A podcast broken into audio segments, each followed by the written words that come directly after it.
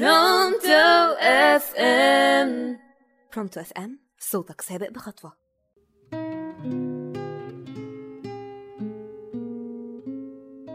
أهلا بكم في حلقة جديدة من برنامجكم أنا مش بطل. النهاردة هنتكلم عن موضوع مهم جدا وهو كتم المشاعر.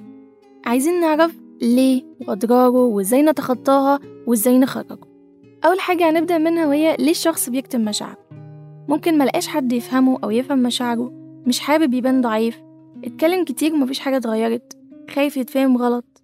ممكن يكون أي سبب من دول أو ممكن يكونوا كلهم. طب إيه أضرار كتم المشاعر؟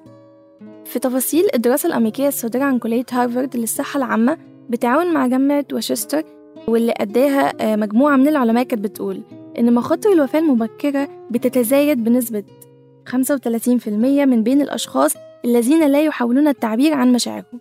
وبتوصل ل 47% من اللي بيفشلوا عن التعبير عن مشاعرهم. عادة يموتون بأمراض زي القلب و70% يتعرضون للوفاة نتيجة إصابتهم بمرض السرطان الذي يكون بسبب الضغوط النفسية التي يتعرضوا لها نتيجة كبتهم للمشاعر. ويرى علماء النفس السلوكي أن الحالة النفسية التي يعانيها الأشخاص من خلال كبت المشاعر وعدم البوح بها وعدم البوح عما يحتاج من إخراجه من حديث النفس بيكون له أثر كبير جدا في ظهور أعراض مرضية وعضوية قد تؤثر على الإنسان في المدى البعيد فأكيد كتم المشاعر بيكون ليه أضرار كتيرة جدا طب إزاي نخرج المشاعر دي؟ في أكتر من طريقة وأولهم طبعا إن إحنا نقرب من ربنا نحاول ندعي ممكن إن إحنا نشوف حد مقرب إن إحنا نتكلم معاه أو نحاول ندور على حد نثق فيه إن إحنا نقول له حتى لو مع أحد مختص لو ما لقيناش حد من الأصدقاء ممكن نروح لحد مختص في علم النفس أو الثيرابي ممكن إن إحنا نحاول نعبر عن اللي جوانا عن طريق الكتابة أو حتى إنك تتكلم مع نفسك. دور على طريقتك. إيه هي الطريقة اللي أنت حابب تعبر بيها عن مشاعرك؟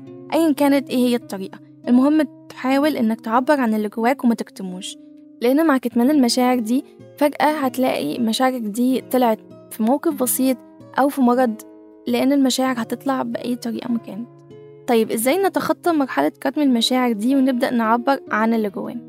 أول حاجة محتاجين إن إحنا نبدأ نسأل نفسنا هو أنا ليه بكبت مشاعري؟ يعني إيه هو السبب اللي مخليني مش بعبر عن مشاعري؟ إيه اللي منعني من التعبير عنها؟ هل عندي حد أقدر أعبر له عن مشاعري؟ ولا محتاجة لسه أدور على طريقة تانية لتفريغ مشاعري؟ طب إيه هي الطريقة المناسبة لتفريغ مشاعري؟